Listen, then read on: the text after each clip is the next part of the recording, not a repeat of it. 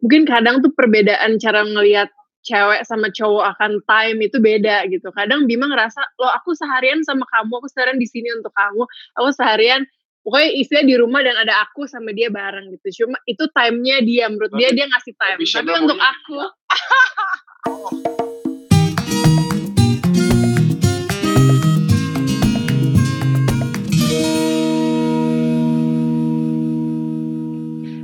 selamat datang di Bright Story Unveil, podcast persembahan dari Bright Story. Dan perkenalkan aku Gianda Aktiani yang akan jadi host kamu di episode kali ini. Apa kabarnya yang sekarang lagi dengerin? Kayaknya ini tuh udah episode kesekian ya di era new normal. Semoga semua dalam keadaan baik-baik aja dan sehat-sehat aja. Anyway, Bright, kamu tuh pasti punya gak sih uh, apa ya, se sosok pasangan yang kalau kamu lihat interaksinya tuh kayaknya couple goals banget gitu. Nah, untuk uh, mencapai relationship goals itu pastinya dibutuhkan yang namanya komunikasi ya. Apalagi kalau pasangan kamu itu beda profesi atau bahkan beda lifestyle. Nah, itu yang akan kita bahas hari ini, trik-trik untuk menjaga komunikasi dari segala perbedaan itu untuk mencapai relationship goals. Dan untuk ngebahas soal itu kita udah kehadiran tiga narasumber. Yang pertama ada sepasang pengantin baru nggak ya? Enggak ya, karena bulan depan udah satu tahun. ada Rashena dan juga Bima Arya. Halo yang sudah menikah Hai. di bulan September 2019. Yes, betul. Hai. Ya. Iya. Halo Anda, how Anda? Good ya? Oke. Okay. Yes, good. Dan uh, untuk biar diskusinya lebih legit, pastinya kita juga menghadirkan pakarnya nih di sini. Ada Mbak Marcella Novianti, empathy psikolog, seorang associate psychologist dari ibunda.id yang adalah sebuah social enterprise yang fokus mengembangkan layanan kesehatan mental lewat inovasi dan teknologi. Halo Mbak Sheila. Halo. Nah, aku mau nanya langsung ke Bima sama Shena kali ya. Ada Mbak Sheila, ada Mbak Shena nih sekarang. yang aku Iya. uh, yang aku tahu kalian ini kan beda profesi ya. Uh, Shena kalau nggak salah dokter gigi, bener ya? Hmm, benar. Dan uh, Bima di dunia entertainment atau mungkin lifestyle-nya juga beda bahkan gitu. Tapi uh, pernah nggak sih itu sebelum kalian menikah jadi isu atau malah ternyata perbedaan itu yang bikin kalian malah makin lengket atau gimana? Gimana Shen? Um, sebelum menikah ya, sebelum menikah itu sebenarnya enggak sih ya. Kita soalnya uh, waktu itu pas aku masih kerja juga, waktu kerja aku tuh jam jadi kita ada shift-shiftan kan. Jadi kalau nggak dari pagi aku siang udah selesai atau aku siang mulai sore udah selesai. Jadi pasti ada waktu untuk ketemu sama Bima gitu. Karena kita emang tipe couple yang seminggu itu harus sering bertemu. Harus sering bertemu. Cuman mungkin kalau dari sisi sifat uh, aku termasuk orang yang lebih apa ya outgoing. Nah Shana tuh lebih pemalu gitu. Dan aku udah ngeliat itu dari awal banget bahwa Shana ini kayaknya agak pemalu. Makanya kalau setiap uh, kita mau bikin video atau aku ngajak nge-vlog dia pasti selalu kayak nggak mau nggak mau nggak mau gitu kan. Iya awalnya gitu. awalnya seperti itu. Cuman itu akhirnya sebuah proses di mana aku berpikir oke okay, ini mungkin sebenarnya bukan suatu hal yang buruk. Aku senang dengan Shana yang malu seperti itu gitu. Itu pertanda dari diri dia yang humble yang baik Cuman di situ aku berpikir, oke, okay, gue harus bisa ngebangun keberanian dia. Dan akhirnya dikit-dikit, kamu harus lebih percaya diri, harus lebih yakin. Akhirnya ke bawah dan sekarang udah gitu juga kan. Kadang-kadang, kadang-kadang aku mengisi mengisi kekosongan vlog. Kayak gitu. Oke. Okay. Dan itu caranya masih berlangsung nggak uh, sampai sekarang trik-trik itu? Apakah ada bedanya dari sebelum menikah dan setelah menikah? Jadi kalau dari aku pribadi ya, uh, aku ngelihatnya sudah ada peningkatan, akan tetapi nggak bohong kalau masih seperti itu di beberapa area ya kan ngerti nggak sih? Yeah, yeah. Aku masih kadang suka kayak gini. Nanti next level dia nih, nggak apa-apa kamu harus berani, kamu harus bisa bisa bawain vlog sendiri apa segala macam. Jadi lebih gimana caranya biar lebih bagus lagi, lebih berani lagi gitu yeah. kan. Menurut aku sih, thankfully Shana itu tipe orang yang pada saat diberikan tantangan dia uh, nggak mundur gitu dia yang kayak oke okay deh gue harus bisa dan akhirnya ya gimana Shen? Iya sama sih, tapi kan kalau sekarang lebih gampang ya jaga, um, jaga waktunya. Kalau dulu kan mungkin harus, aduh um, harus ketemuan jam berapa, harus jam berapa. Kalau sekarang mah bener-bener setiap hari bareng kan semenjak nikah gitu. Jadi hmm. lebih gampang sih, kayak gitu. Hmm. Lebih Jadi gampang justru, mengisi waktu masing-masing. Oke, justru masalahnya malah berkurang setelah menikah ya? Iya. Ya. Kalau Mbak Sheila sendiri nih ya Mbak, uh, ngelihatnya uh, emang sengaruh apa sih perbedaan profesi, perbedaan lifestyle, sama hubungan relationship? Oke, kalau kita ngomongin perbedaan, kayaknya setiap orang juga punya perbedaan ya Mbak Anda ya. Mm-hmm. Uh, apalagi ketika kita mau uh, masuk ke jenjang pernikahan, otomatis dari beda profesi, dari beda gaya hmm. hidup, dari beda budaya, tentu satu dan lain hal juga pasti berbeda.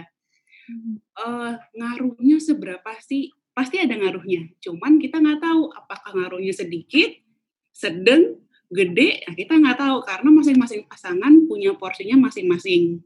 Hmm. Gitu. Jadi kalau ditanya ngaruh, ngaruh banget dan memang uh, perbedaan gaya hidup segala macam yang tadi disebutkan sama Mbak Shena dan Mas Bima itu juga uh, apa namanya ngaruh apalagi di awal-awal pernikahan gitu. Cuman kalau gimana tuh Mbak? Kenapa Mbak Anda? Gimana mengatasinya? Oke. Okay. Nah, ini yang menarik nih, uh, gimana mengatasi perbedaan. Kalau kita menghayati kata mengatasi itu seperti ada sesuatu yang harus nggak ya aku menghilangkan value-value aku? Harus nggak ya aku kayak aku punya value aku punya pandangan seperti ini aku punya cara aku seperti ini. Harus nggak ya setelah nikah aku hilangkan itu? Kalau gitu gimana kita ganti kata mengatasi itu dengan menerima atau mentoleransi? Hmm. karena saya nggak tahu keyakinan setiap orang pasti beda, tapi kalau kita membayangkan dan memahami, rasanya kalau perbedaan itu dihilangkan, kayaknya ada unik yang hilang gitu.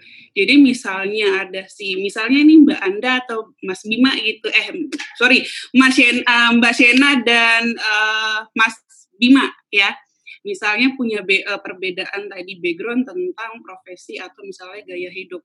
Kalau uh, misalnya kita bilang, eh kamu kan punya uh, seperti apa punya punya gaya hidup yang dulu kayak gini, kamu punya budaya yang kayak gini, bisa nggak kamu rubah? Nah itu seperti ada yang hilang yang saya bilang tadi.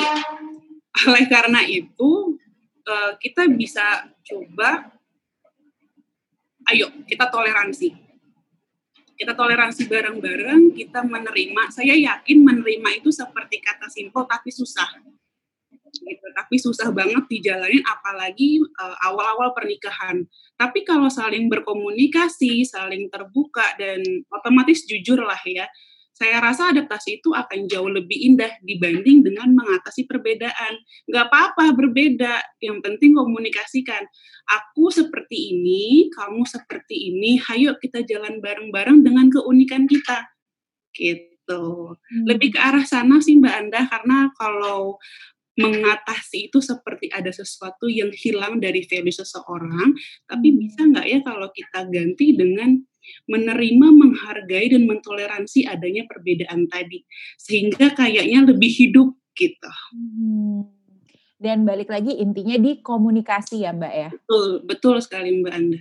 Hmm. Nah, kalau seperkepoan aku nih, Bima sama Shena kan kayaknya pacarannya udah lama ya sebelum akhirnya memutuskan. Lama banget. Lama, lama, lama banget. Berapa tahun sih? Berapa tahun kalau boleh tahu? Berapa nih Shena yang, paling hafal nih? Jujur aku lupa tahun. persis ya. Kurang lebih, kurang lebih mungkin tujuh tahun mungkin pacarannya. Tapi kenalnya udah lebih lama lagi dari itu. Yes. Jadi dulu itu Bima itu um, teman mainnya sepupu aku. Gitu. Oke. Okay.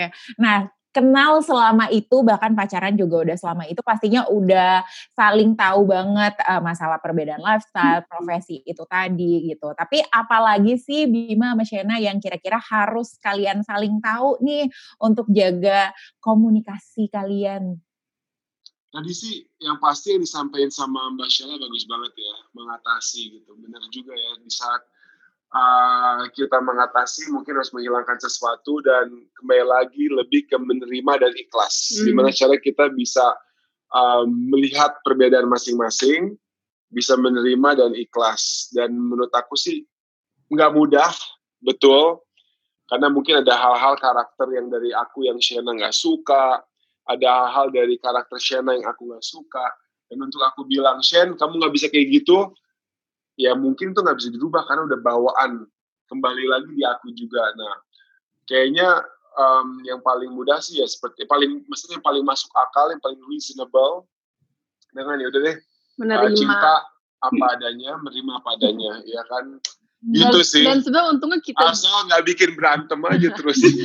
Dan untungnya sebenarnya kita udah kenal lama banget kan jadi perbedaan yang kita lihat setelah menikah tuh nggak bener-bener jomplang atau yeah. kayak jauh dari yang kita emang udah tahu sebelumnya gitu Betul. karena basically kalau mungkin kalau apalagi Bima gitu udah ngelihat aku tuh dari aku masih masih kecil gitu kan waktu itu jadi dia bisa bener-bener ngelihat mungkin sifat aku tuh kayak gimana iya, perubahan iya. sifat aku kayak gimana sampai sekarang gitu jadi nggak nggak terlalu yang wah aku udah jadi gini gitu. Bukan berarti kita nggak ada masalah bukan berarti kita nggak ada keributan di antara kita gitu. Cuman memang ya itu dia kita berusaha menerima. Tapi ada saatnya rasa menerima itu juga ada batas toleransinya dan akhirnya kita ada berantem-berantem kecil gitu. Tapi ya yang namanya hubungan nggak mungkin ya perfect gitu. Dan um, jujur kalau boleh jujur malah perbedaan aku sama Shana itu dari background dari cara kita berpikir di situlah yang membuat aku ini hubungan yang dinamis yang seru gitu Hmm, yang bikin makin gemes ya. Yes. gemes. Tapi Mbak Sheila, uh, sebenarnya penting gak sih untuk uh, mengubah pola komunikasi dari sebelum menikah, pas masih pacaran mungkin, sampai akhirnya menikah?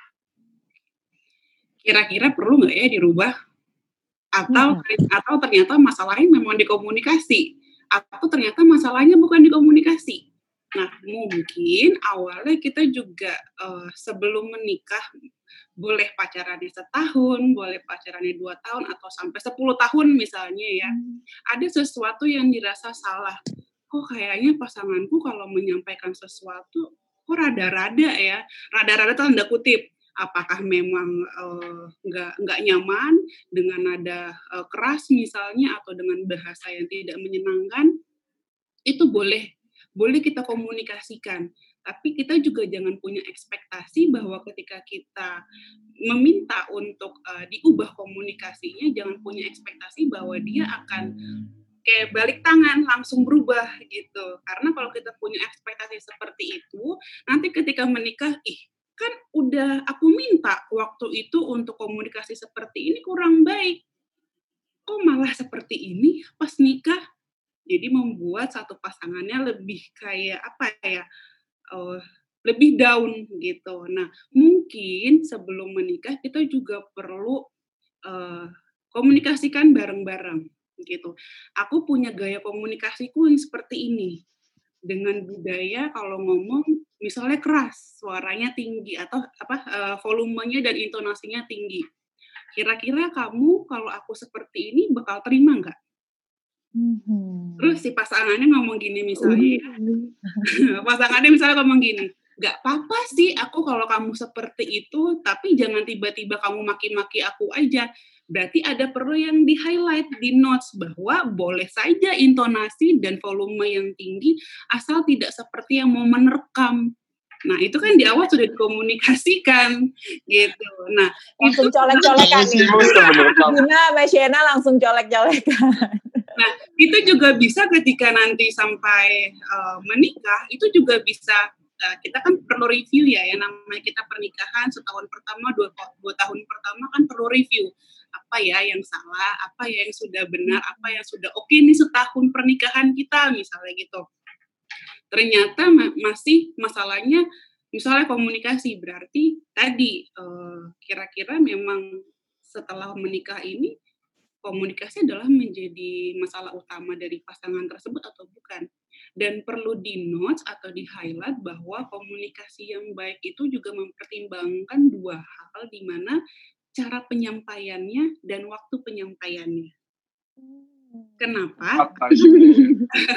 Karena kalau cara penyampaiannya, cara penyampaian, eh kamu kok gini sih, kamu kok gitu sih. Nah itu seakan sebenarnya mungkin terbiasa, tapi karena balik lagi waktunya nggak tepat dan cara penyampaiannya salah, maka diterima sama si pasangan tersebut atau si individu tersebut justru salah persepsi yang Hmm. mengakibatkan adanya konflik. Komunikasi itu seperti apa ya, res-resan tapi sangat sa- res-resan makanan tapi itu sangat bikin nikmat gitu. Wow. Keren ya Res-resan. perumpamaannya bikin lapar. Bikin apa? itu Mbak Anda. Oke, jadi harus pinter-pinter membaca eh, kondisi juga ya Mbak, kondisi pasangan Betul. kayak moodnya lagi apa nih, kayak gimana, tepat nggak waktunya kayak gitu ya. Pastinya Bima sama Shana udah ini banget lah ya, udah hafal sama dari raut muka udah tahu mood eh, pasangannya gitu ya. Tapi aku mau tahu dong Bima sama Shana tuh punya relationship goals nggak sih? Atau adakah list-list komitmen yang kita tuh harus jadi eh, couple yang seperti ini gitu. Ada nggak? Oke. Um, Shana duluan kali. Tadi aku udah ngomong banyak. Mungkin kamu mau menyampaikan. Em, nah, aku sih lebih kalau aku sama Bima itu sebenarnya mungkin lebih da- dorongan lebih dari Bima sih yang lebih besar karena Bima itu emang dari dulu em, menjunjung tinggi healthy lifestyle gitu dan kalau Salah satunya. salah satunya salah satunya Em, jadi itu salah satu yang menurut aku penting untuk kita bangun bareng yaitu sama-sama gimana caranya setiap hari itu lebih sehat pilihan makanannya lebih sehat pilihan gaya hidupnya lebih sehat gitu Dan juga pikiran kita sehat dan hati kita sehat. Iya, jadi em, lebih ke arah positif aja. Kita kita berdua sering banget ngebahas kalau kita berdua tuh pingin jadi pasangan yang semakin ngarahnya tuh ke yang positif gitu. Entah dari lifestyle, entah dari cara berpikir, entah dari agama gitu. Pokoknya semuanya tuh ngarahnya ke yang positif. Kurang lebih kayak gitu sih. Kalau didetailin kayaknya agak panjang. punya dampak terhadap Orang orang-orang. lain. Apalagi kita kan di sosial media. Dan Mm-mm. kita tahu sekarang banyak banget ibaratnya um, hal-hal negatif lah di luar sana. Nah, kita Iya. pengen nggak mau ikutin mainstream itu cuman demi mendapatkan popularitas Mm-mm. atau buat naikin konten, tapi gimana caranya kita bisa membuat sesuatu yang berguna untuk banyak orang gitu. Dan itu pasti dimulai dari diri kita dulu sendiri. Iya. Kayak gitu Oh. sih. Uh, aku balik ke Mbak Sheila lagi nih ya. Kan tadi uh, Bima sama Shana udah ngasih tahu uh, list-list komitmennya, healthy lifestyle, menjadi lebih baik dan lain-lain. Tapi seberapa penting uh, sih Mbak setiap pasangan untuk punya list goals-goals atau komitmen mereka bersama? Sebelum menikah, sebaiknya kita juga perlu satu sama lain tahu dulu arti kata pernikahan apa sih. Terus Hmm. nanti peran aku sebagai istri apa ya? Peran aku sebagai suami apa ya? Gitu. Nah, ketika sudah tahu itu, baru kita setting goals. Nanti setahun pernikahan kita, eh, aku kita pengennya seperti ini. Jadi bukan aku mau, kamu mau, tapi kita mau. Gitu. Kita mau hubungan yang harmonis. Menurut definisi harmonis kita seperti apa? Misalnya dengan eh, agama yang baik, lifestyle yang baik, kerjaan dan karir yang baik. Nah, itu kan perlu ada step by stepnya. Dan ketika memang sudah dibuat dan dirancang, ayo bareng-bareng kita komit. Dengan komit kita saling ada ada support, juga ada rasa percaya satu sama lain dan lebih apa ya? eh, saya rasa lebih nikmat aja sih karena ada goals-goals tadi. Karena kebayangnya kalau kita memang tidak punya dan tidak men-setting di awal goals-goals tadi, kayak seorang yang kita mau gimana ya? Kita udah nikah tapi mau ngapain ya gitu. Malah kalau ada sesuatu yang kita kejar, target-target yang kita kejar dan bareng jalannya itu akan membuat eh, rumah tangga itu menjadi hidup Lebih seru ya Mbak? lebih seru meskipun tidak dipungkiri dalam perjalanannya memang ada konflik. Ya memang kita juga tidak bisa menghindari konflik tapi dengan adanya konflik pun kita uh, saat uh, pasangan tersebut juga belajar yuk konflik ini ini nih. Kita mau ada goals yang pertama yang kedua ada hambatannya ada konfliknya. Gimana ya caranya? Jadi alternatif solusinya pun munculnya bukan dari aku, bukan munculnya dari kamu, tapi dari kita. Gitu. Oke. Nah, uh, Shena sama Bima kan bisa dibilang ya walaupun udah mau satu tahun menikah masih bisa dibilang baru lah ya di uh, dunia rumah tangga gitu. Nah walaupun yeah. tadi kayaknya kalau dengar dari Bima sama Shena kayaknya nggak terlalu ada perubahan gitu dari pacaran sampai menikah. Tapi yang aku mau nanya ke Mbak Sheila, kalau pada umumnya tuh biasanya apa sih rintangan awal dari pernikahan gitu, terutama di tahun pertama misalnya? Kalau berbicara rintangan terberat atau cobaan terberat ya, kalau kayak kalau aku lebih enaknya cobaan terberat. Gitu. Cobaan, gitu. okay. Cobaan terberat itu tentu masing-masing pasangan berbeda. Bisa jadi rintangan awal pernikahan misal ya, misal ya, misalnya buat Mbak Siena adalah komunikasi, tapi buat pasangan lain mungkin adalah pola pikir rintangan terberat atau bahkan adaptasi di keluarga yang berbeda. Jadi kalau ditanya rintangan terberatnya apa itu beraneka ragam tergantung bagaimana penilaian dan persepsi si pasangan tersebut.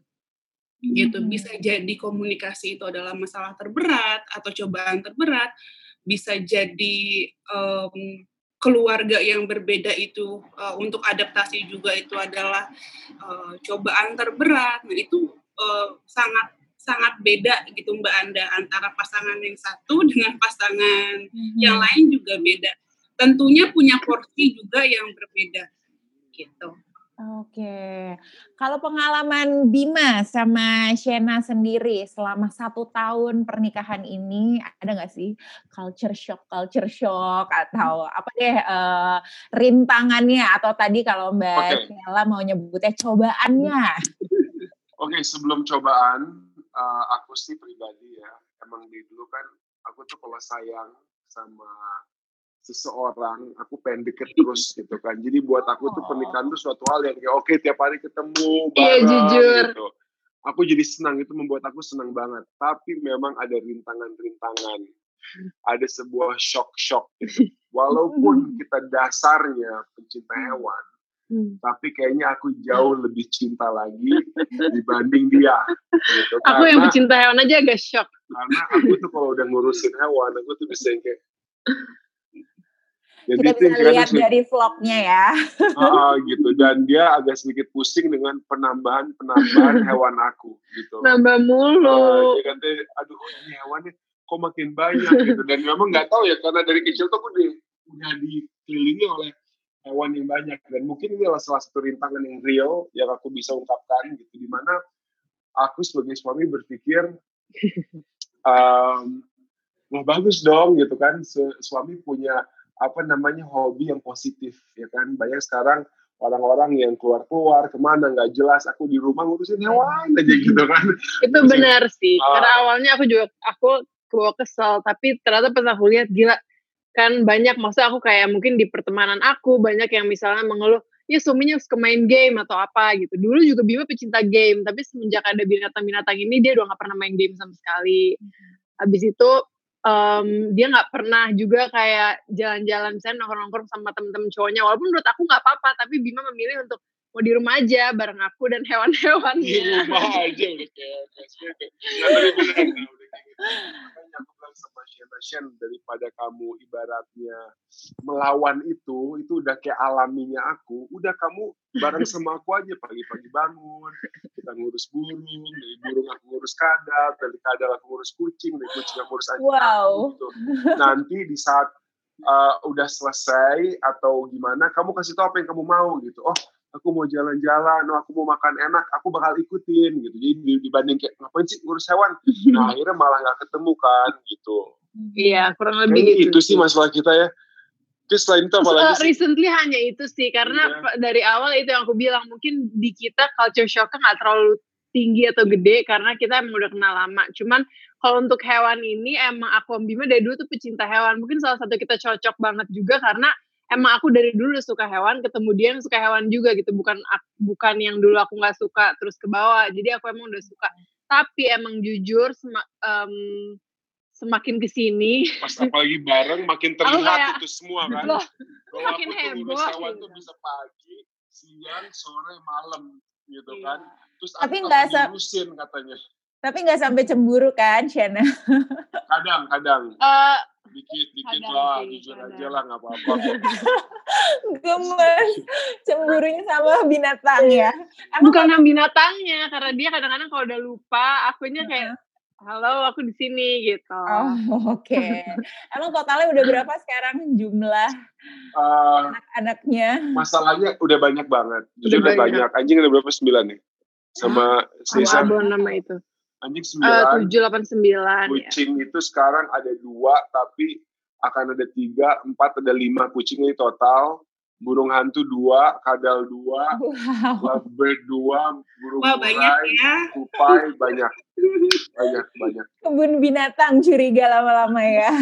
Iya, kayak dia mau bikin kebun binatang nih diam-diam bentar lagi. tapi emang suka hewan jadi kayak bukan cuma sekedar memiliki cuma emang suka ngurus Hmm. juga gitu tapi memang mungkin eh, tantangan dari aku lebih kayak oke gue harus bisa manage waktu untuk not only give love to my animals tapi give more attention to my wife juga yang mana sebenarnya nggak nggak give attention juga cuman mungkin harus more kadang kan di saat gini loh Gak mungkin gini kali. Ini nih salah satu agak sedikit, em, mungkin kadang tuh perbedaan cara ngelihat cewek sama cowok akan time itu beda gitu. Kadang Bima ngerasa, loh aku seharian sama kamu, aku seharian di sini untuk kamu, aku seharian pokoknya istilah di rumah dan ada aku sama dia bareng gitu. Cuma itu time-nya dia, menurut dia dia ngasih time. tapi untuk aku, oh, oh aku melihat kaos.